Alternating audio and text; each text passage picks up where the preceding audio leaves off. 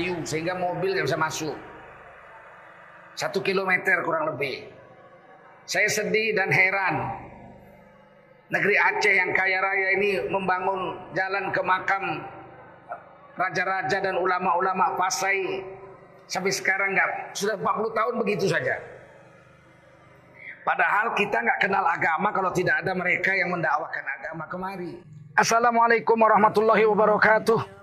Kaum muslimin muslimat di mana pun anda berada, Alhamdulillah kita memuji Allah SWT dan bersyukur kepadanya.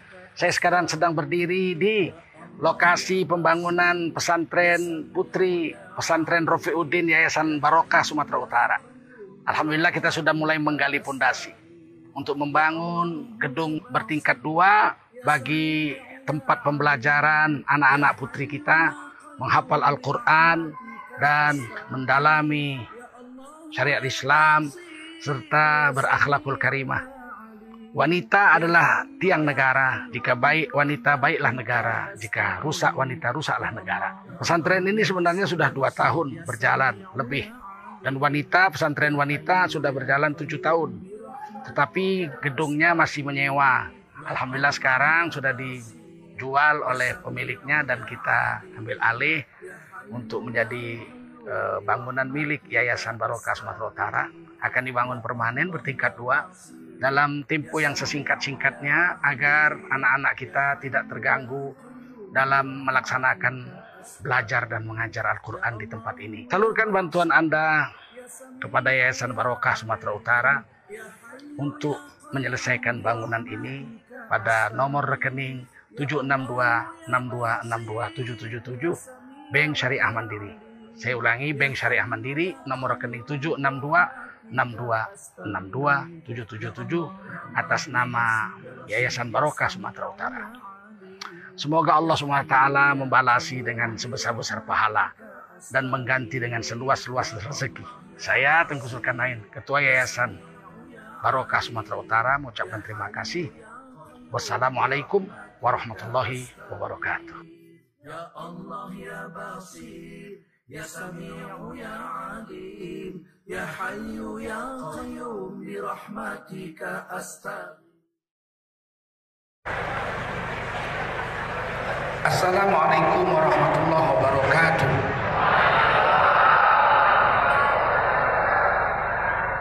Hamdan wa syukran lillah wa salatan wa salaman ala rasulillah wa ala alihi wa sahbihi wa mawalah. اللهم صل وسلم على هذا النبي الكريم سيدنا ومولانا محمد وعلى آله وصحبه أجمعين. أما بعد قال الله تعالى في كتابه الكريم أعوذ بالله من الشيطان الرجيم. بسم الله الرحمن الرحيم. يا أيها الذين آمنوا كتب عليكم الصيام كما كتب على الذين من قبلكم. كما كتب على الذين من قبلكم لعلكم تتقون. قال رسول الله صلى الله عليه وسلم من خرج في طلب العلم فهو في سبيل الله حتى يرجع. Baginda Rasul bersabda, siapa keluar untuk mendapatkan ilmu, orang itu adalah orang yang berjihad fisabilillah sampai dia kembali ke tempatnya. Mudah-mudahan kita semua mendapatkan pahala jihad dari Allah Subhanahu wa taala. Amin. Sadaqallahul azim wa sadaqa rasuluhun nabiyul karim. Wa nahnu ala dzalika minasyahidin wasyakirin. Walhamdulillahi rabbil alamin para ulama, tuan-tuan guru yang dimuliakan Allah SWT. Ada sahabat saya, Ustaz Muhammad Rafiq Khan. Sahabat saya sejak muda. Sama-sama bujangan, beliau adalah seorang penghafal Quran yang sekarang sedang iktikaf di masjid sini. Ada Tengku Abdullah dari Perlak nih jauh-jauh datang sini. Beliau berada di dekat makam Raja-Raja Pasai Kemarin saya kirim murid-murid saya dari pesantren saya untuk melihat makam di Pasai dan di Samudra, di Gedong. Ternyata makam di Pasai itu jalannya belum beres, jembatannya nggak ada juga, jembatannya kayu sehingga mobil nggak bisa masuk. Satu kilometer kurang lebih. Saya sedih dan heran. Negeri Aceh yang kaya raya ini membangun jalan ke makam raja-raja dan ulama-ulama Pasai sampai sekarang nggak sudah 40 tahun begitu saja. Padahal kita nggak kenal agama kalau tidak ada mereka yang mendakwakan agama kemari. Mungkin kita masih makan babi, makan monyet, makan ular, belum tahu agama. Orang-orang yang mengislamkan kita mati-matian membuka negeri ini sehingga menjadi negeri Islam, mengurus kuburannya aja kita nggak bisa. Kan sedih kita itu. Sementara kuburan orang-orang nggak jelas, kafir-kafir Katanya perang kemerdekaan, entah perang pun entah enggak. Kuburannya dijaga di pinggir-pinggir jalan besar. Taman makam pahlawan. Entah pahlawan apa pun kita nggak tahu. Kadang-kadang kita tidak berlaku adil kepada orang-orang yang berjasa dengan agama kita. Saya juga sudah kirim murid-murid saya ke Barus bersama dengan saya. Di Barus, tapan di tengah, Sumatera Utara ada 500-an kuburan orang-orang yang pertama datang kemari mengislamkan negeri ini. Lima di antaranya ditulis namanya di batu itu dipahat. Dua di antaranya adalah sahabat Rasulullah Sallallahu Alaihi Wasallam. Yang pertama adalah Syekh Mahmud bin Abdurrahman bin Muaz bin Jabal radhiyallahu Itu kuburannya 2000 meter di atas permukaan laut, di atas bukit Tangganya 820 anak tangga 85 derajat begini. Saya naik sana, begini tuanya saya. Sampai saya ke atas. Saya menangis terseduh-seduh di sana. Beliau tahun 44 Hijriah sudah wafat di sana. Mengislamkan negeri ini. Tahun 44 itu di zaman Sayyidina Muawiyah, tiga tahun setelah Rasul, Sayyidina Ali wafat. Artinya dia sudah mendakwakan agama di zaman Nabi SAW, zaman sahabat Nabi SAW meninggalkan negerinya nggak pulang lagi sampai mati berkubur di negeri ini mengislamkan negeri ini di bawah di kuburan Mahligai ada satu Syekh Rukunuddin itu gelarnya. Gelarnya Syekh Rukunuddin. Namanya Syekh Jubir sahabat Nabi Radhiallahu beliau wafat tahun 48 Hijriah. Dalam usia 100 ditulis itu 102 tahun 2 bulan 22 hari. Usianya setahun lebih tua dari Rasulullah Shallallahu Alaihi Wasallam. Rasulullah lahir tahun 50, 571 Masehi. Syekh Jubair yang digelar Rukunuddin tiang agama di negeri ini itu waf, lahirnya tahun 570 Masehi setahun lebih dulu beliau lahir dari Rasulullah SAW. Kuburannya ada di Sumatera Utara. Berapa banyak orang nggak tahu kalau ada kuburan sahabat di situ?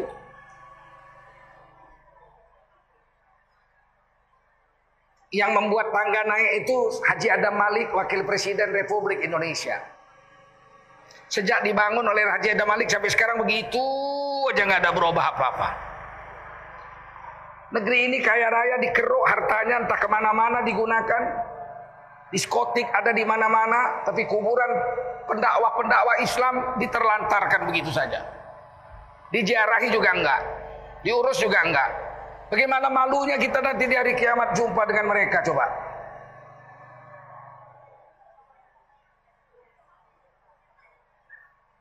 Untuk datang ke Indonesia mendakwakan agama minimal lima tahun naik perahu layar.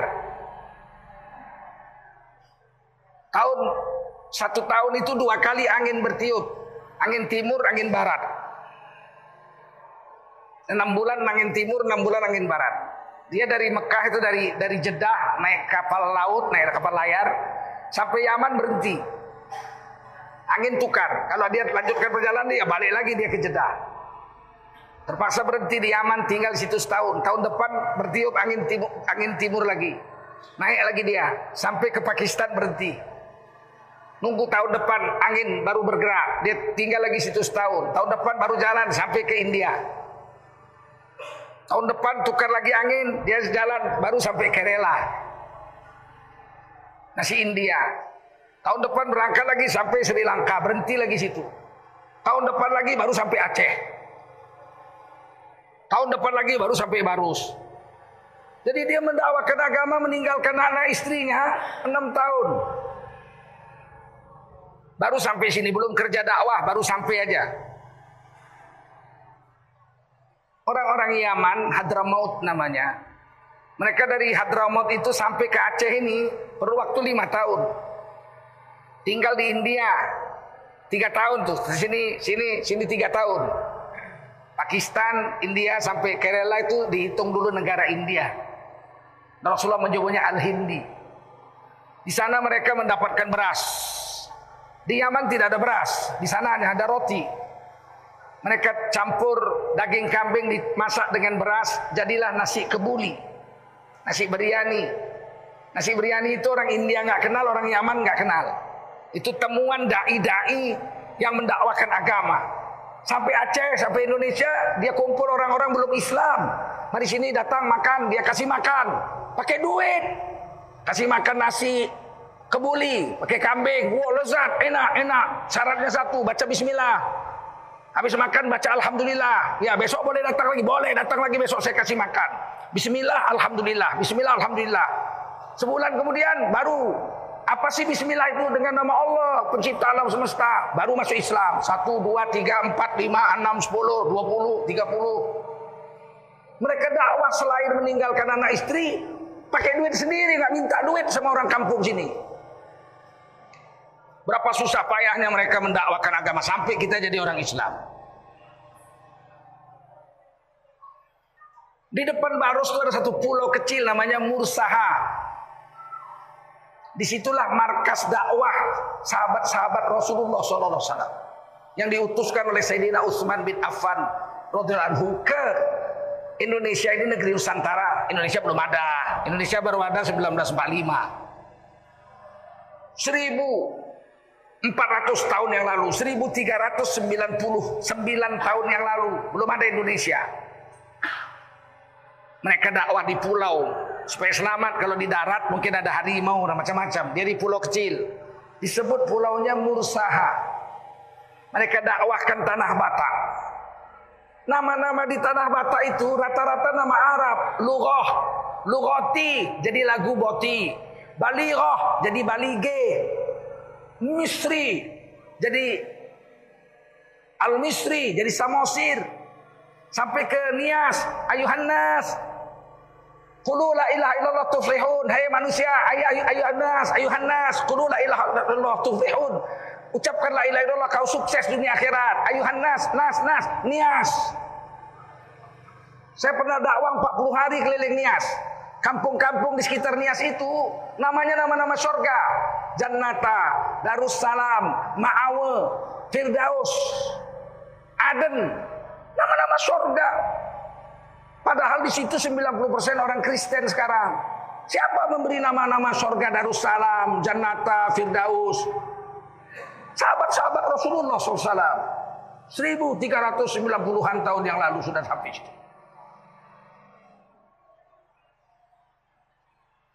Nah, dari situ berangkatlah 60 orang dalam sejarah dipimpin oleh Sayyidina Sa'ad bin Abi Waqqas radhiyallahu anhu ke Cina. Mendakwakan agama ke Cina. Oleh Raja Cina waktu itu dinasti Tang. Diberi tanah satu setengah hektar. Dibangunlah masjid namanya Masjid Sahabat. Sampai sekarang masih ada udah 1400 tahun. Di antara mereka tinggal di Guangzhou namanya Zaitun. Orang Inggris menyebutnya kantun. Kanton, kantun. Sebetulnya dari zaitun. Sekarang diganti sama Cina, Guangzhou. Saya sudah sampai sana. Dakwah ke sana. Di belakang Masjid Raya Guangzhou ada kuburan-kuburan orang Islam. Lima di antaranya kuburan sahabat radhiyallahu anhum ajma'in. Satu di antaranya enam jadinya Ibnu Abi Waqqas, anak Abdullah bin Sa'ad bin Abi Waqqas, anak Sa'ad bin Abi Waqqas, Abdullah bin Abi Waqqas, Ibnu Abi Waqqas. Kemungkinan Sa'ad bin Abi Waqqas kawin dengan gadis Cina. Punya anak namanya Ibnu Abi Waqqas, anaknya Abu Waqqas. bisa bahasa Arab, bisa bahasa Cina. Dialah tabi'in yang mendakwakan Islam di Cina. Sekarang orang Cina yang Islam 170 juta orang. Berapa mungkin 10 tahun baru mereka sampai ke Cina. Naik kapal layar. Diislamkan seluruh Asia Tenggara di Sumatera, masuk ke wilayah semenanjung Malaysia, naik ke atas sampai Kamboja. Kamboja itu sepertiga yang di pinggir laut, namanya suku Champa, itu 100% Islam. Saya dua kali dakwah ke Champa. Di Champa itu 700 ribu laki-laki Champa dibunuh oleh komunis Khmer Merah. Pol Pot namanya. 3 juta orang Kamboja yang dibunuh, 700 ribu di antaranya orang Islam. Ketika Kamboja itu masih negeri yang lama yaitu Vietnam sekarang dulu namanya Kamboja di, dirampok oleh Cina orang-orang Islam yang ada di Vietnam itu melarikan diri ke bawah Kamboja sekarang itulah suku Champa sebagian pergi ke Aceh diterima oleh Sultan Aceh diberi tanah di dekat Biren situ namanya Cempa itu orang jam orang Champa putih-putih sipit-sipit Sebagian diberi tanah di Aceh Timur, sebagian diberi tanah di Riau namanya Jempa. Dan bahasa orang Cempa itu dengan bahasa orang Campa Kamboja 90% mirip. Bilang turun, turun. Bilang air, e. Sama. Bilang kampung, kampung.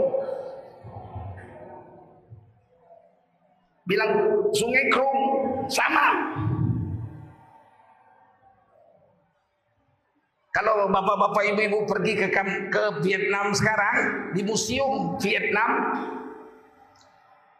ada raja-raja Vietnam abad ke-14 dan ke-15.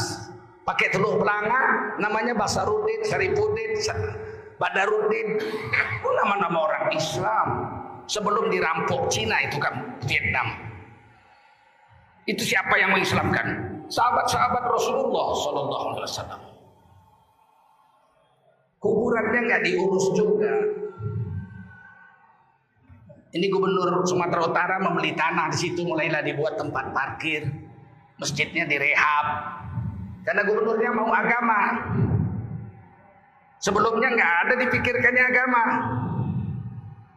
Yang dipikirkan tempat rekreasi. Duit bangun patung lili. Kumisnya besar. Tak apa manfaatnya untuk agama sedikit pun tidak ada. Itulah pentingnya kita mengaji ini untuk menanamkan pikir pentingnya agama di akal kita itu. Yang hari ini orang menganggap agama itu tidak penting. Yang penting perutnya kenyang. Untuk apa kaya raya kenyang kalau nggak punya agama? Kekal dalam neraka selama-lama-lama-lamanya. Bapak-bapak mungkin bilang, ah Indonesia ini 90% Islam. Kata siapa? Waktu merdeka 75 tahun yang lalu, orang Islam di Indonesia 90%. Sensus penduduk terakhir tahun 2019, orang Islam tinggal 87,2 persen.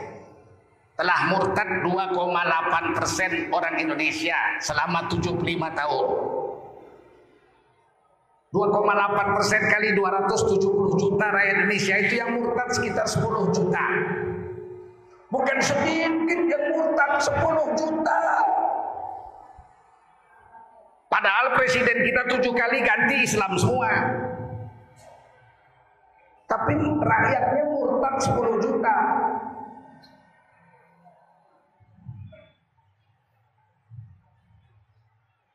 Itu akibat memilih pemimpin asal-asalan. KTP Islam, tapi benci sama Islam. Ada pemimpin kemarin ngomong, jangan bawa-bawa agama. Eh, eh. Jangan bawa-bawa agama. Kalau yang ngomong itu setan, kita nggak heran. Yang ngomong itu orang Islam.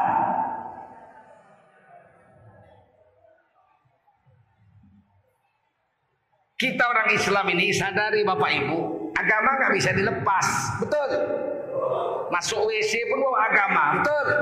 Mau makan bawa agama, betul. Mau tidur bawa agama, betul. Mau bersetubuh sama istri, otaknya udah mendidih. Nah, udah mendidih otaknya masih bawa agama. Allahumma janni minasyaiton wa janni bisyaiton ma razaqtana masih doa.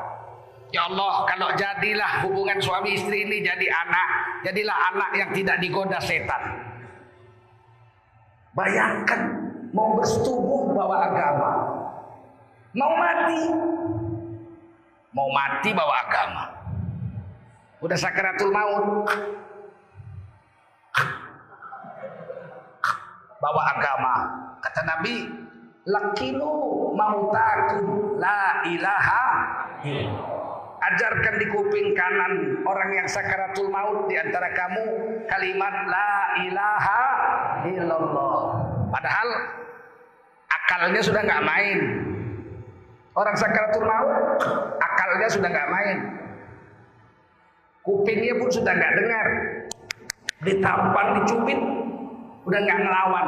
Disenter matanya, udah nggak kedip. Kata dokter sudah koma. Apa koma? Hampir titik.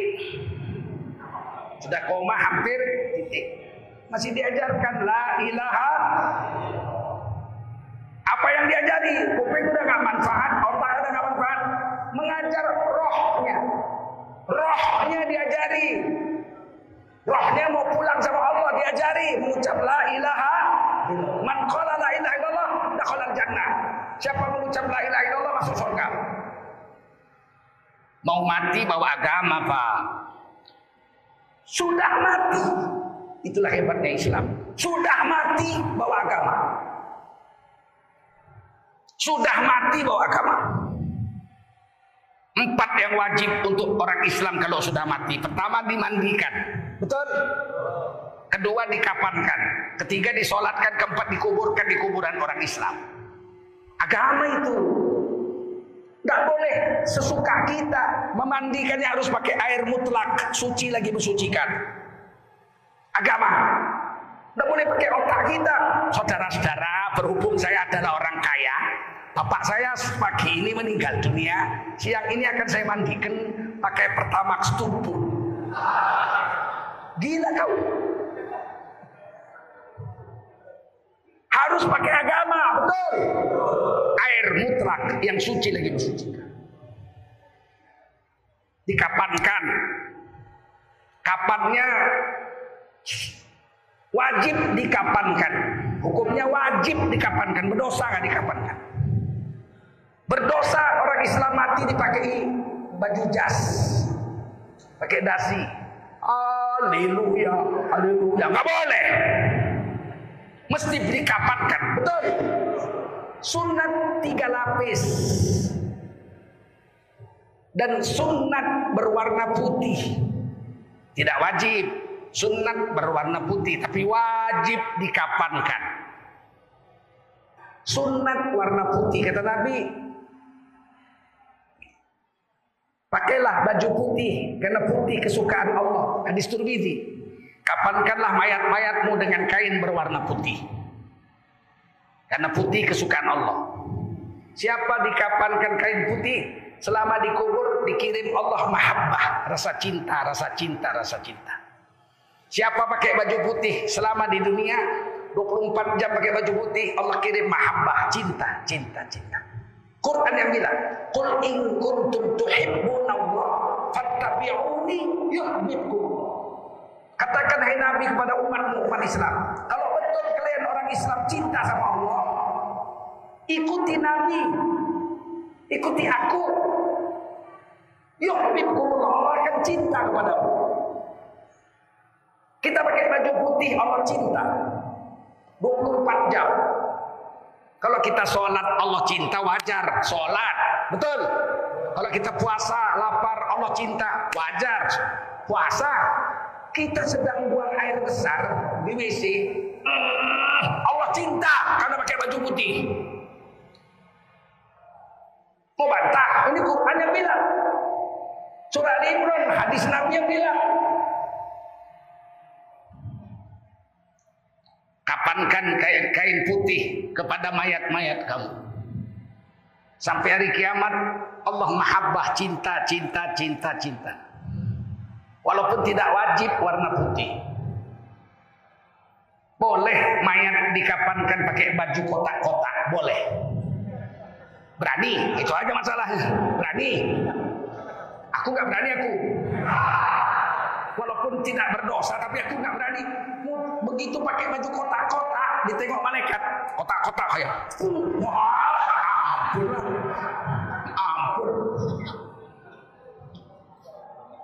Tidak ada mahabbah, nggak ada rasa cinta di situ. Pakai baju putih, Allah cinta. Apa nggak boleh baju merah? Boleh. Tidak berdosa nggak harap enggak. Jadi boleh pakai baju merah? Boleh. Cuman yang suka PDIP. Allah nggak suka. Nabi nggak suka. Ayo pilih mana? Putih atau merah? Kalau pilih merah juga memang goblok. Paham?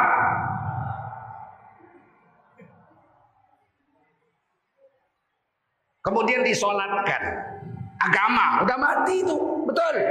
Solatkannya mesti cara Nabi. Nggak boleh cara kita.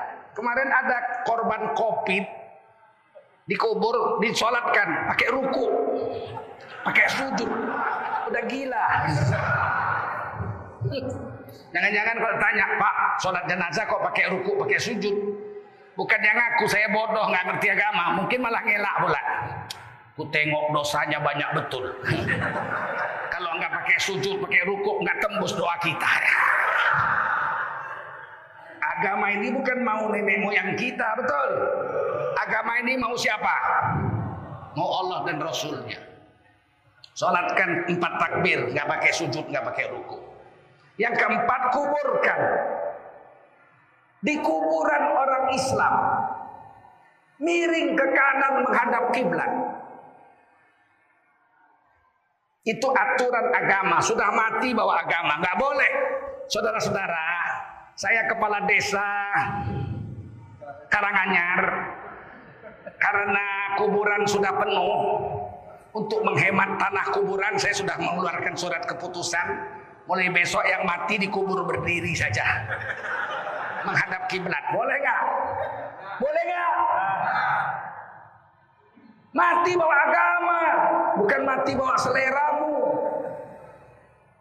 Tiba-tiba ada pejabat bilang, jangan bawa-bawa agama. Kepingin kali aku nyabut kumisnya.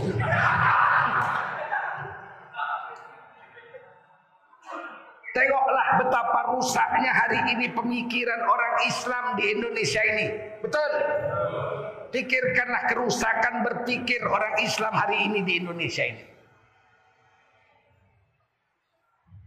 Apa kita masih mau diam saja? Atau kita biarkan begini, zaman kita masih hidup aja Islam sudah serusak ini dibikin mereka, apalagi zaman cucu kita nanti.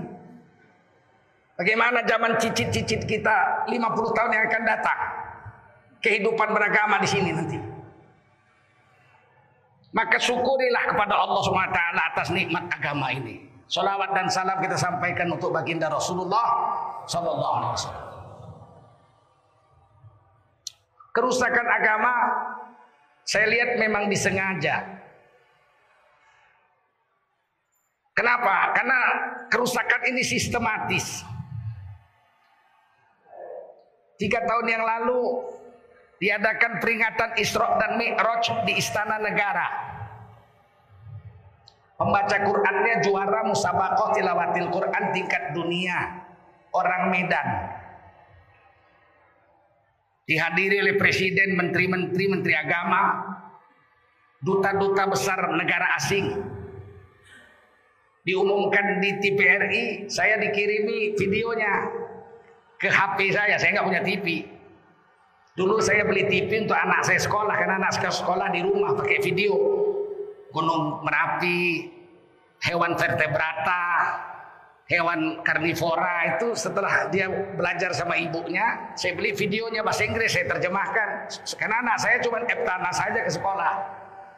Selebihnya nggak sekolah anak saya, sekolah di rumah. Saya dengan istri saya gurunya. Apa yang terjadi? Musab itu Isra dan Mi'raj di Istana Negara disiarkan TVRI. Kira-kira begini. Para pemirsa sekalian, peringatan Isra dan Mi'raj pada malam hari ini di Istana Negara akan menampilkan pembacaan ayat suci Al-Qur'anul Karim dibacakan oleh seorang qori internasional dari Universitas Islam Sunan Kalijogo, tapi orang Medan. Saya kenal. Bapaknya kawan saya, bapaknya. Tapi anaknya otaknya mereng dikit. Membacakan surah Al-Isra ayat 1 sampai sekian dan surah An-Najm dari ayat 1 sampai sekian dengan memakai langgam lagu Nusantara. Terkejut saya, eh, langgam lagu Nusantara. Baca Quran pakai langgam lagu Nusantara. Saya tengoklah, keluar pakai jas hitam-hitam. Kapan pula Nusantara pakai jas? Pakai jas itu baju penjajah Belanda, betul? Betul. Kalau orang Aceh pakai maketut, kalau orang Melayu pakai tenggulu, betul. Kalau orang Jawa pakai belangkon, betul. Ini pakai jas penjajah Belanda ini. Apa pula Nusantara? Rupanya baca Qur'annya lagu Nusantara. Begitu dia baca, Subhanalladzi asra bi 'abdihi laila. Lailam minal masjidil haram. Kalau ada kursi itu ku lempar kursi itu orang.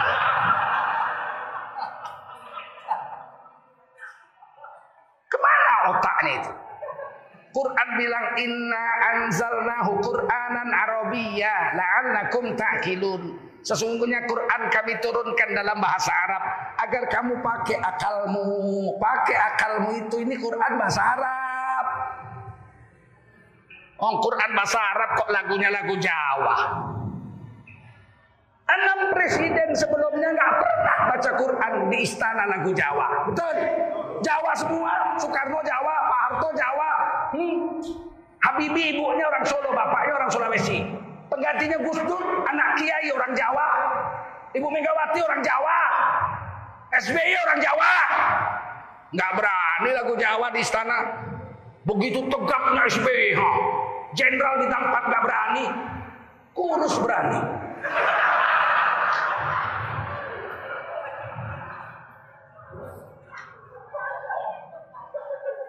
Gembira pula tuh.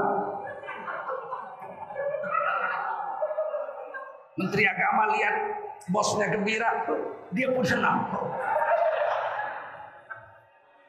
Bagaimana Quran pakai lagu Jawa?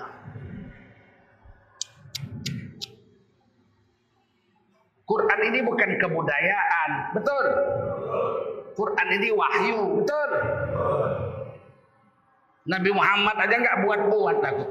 Sedangkan lagu Arab aja tak boleh sembarangan dipakai untuk baca Quran. Sudah dipilihkan lagunya itu zaman Rasulullah kata Ustaz Azra'i guru saya, lagunya Nahwan. Rasulullah itu kalau baca Wattini wa Zaitun tak ada imbangnya, semua sahabat kalah. Lagunya Nahwan. Wattini wa zaituni wa turi sinina wa hadal baladil amin. Laqad khalaqnal insana fi ahsani taqwim.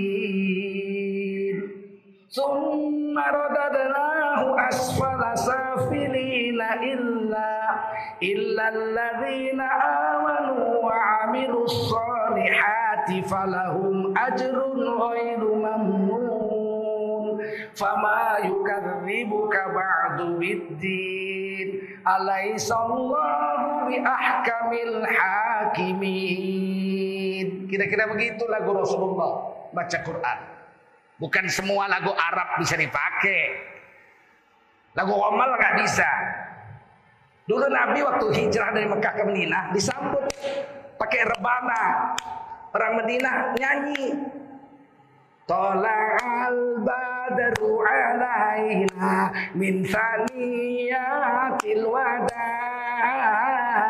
Wajaba syukru alaina madalilahida ini lagu paling tua 1442 tahun masih populer.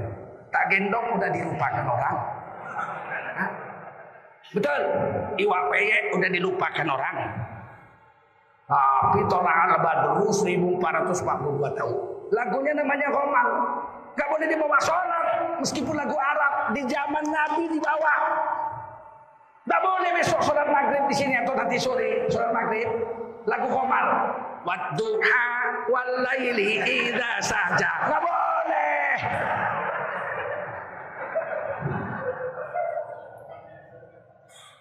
Sedangkan lagu Arab aja nggak boleh semuanya dipilih kok. Hanya yang dipilih-pilihkan ulama kiroat aja yang boleh dipakai. Tujuh, kalau ada MTQ tujuh, Ras, Bayati, Husaini Bayati, Ras, Soba, Nahwan, Hijaz, Ajami, Jaharkah, Sikah. Tujuh aja, Ajami atau Jaharkah, tambah satu lagi, Sikah, tujuh. Gak boleh, Romal gak boleh. Apalagi lagu Minang. Gak boleh. Kita protes seluruh Indonesia kita protes. Ada yang bela, ada juga kiai yang bela. Boleh, apa?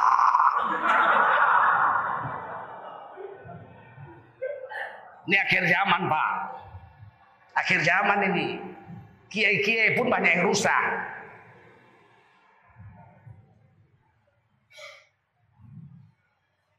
Bagaimana baca Quran seenak perutnya aja. Quran bahasa Arab kok lagunya bukan lagu Arab. Sedangkan kebudayaan aja kalau nggak cocok ditolak orang. Budaya sama budaya. Kalau Quran wahyu, budaya sama budaya nggak cocok, nggak diterima orang. Orang Minang nyanyi Minang tuh baru enak kalau pakai cengkok Minang, betul? Hujan jika hujan hati dan ibu takkan masuk kisah nan masuk sapayun kita batu. Enak sedih. Coba lagu Minang pakai cara batal hujan. Kalau nggak dilempar batu kau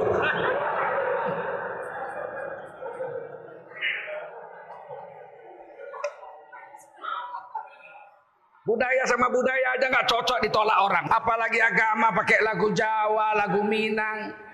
Betul? Ya Allah ya Basir Ya Sami'u ya Alim Ya Hayyu ya Qayyum Birahmatika astaghith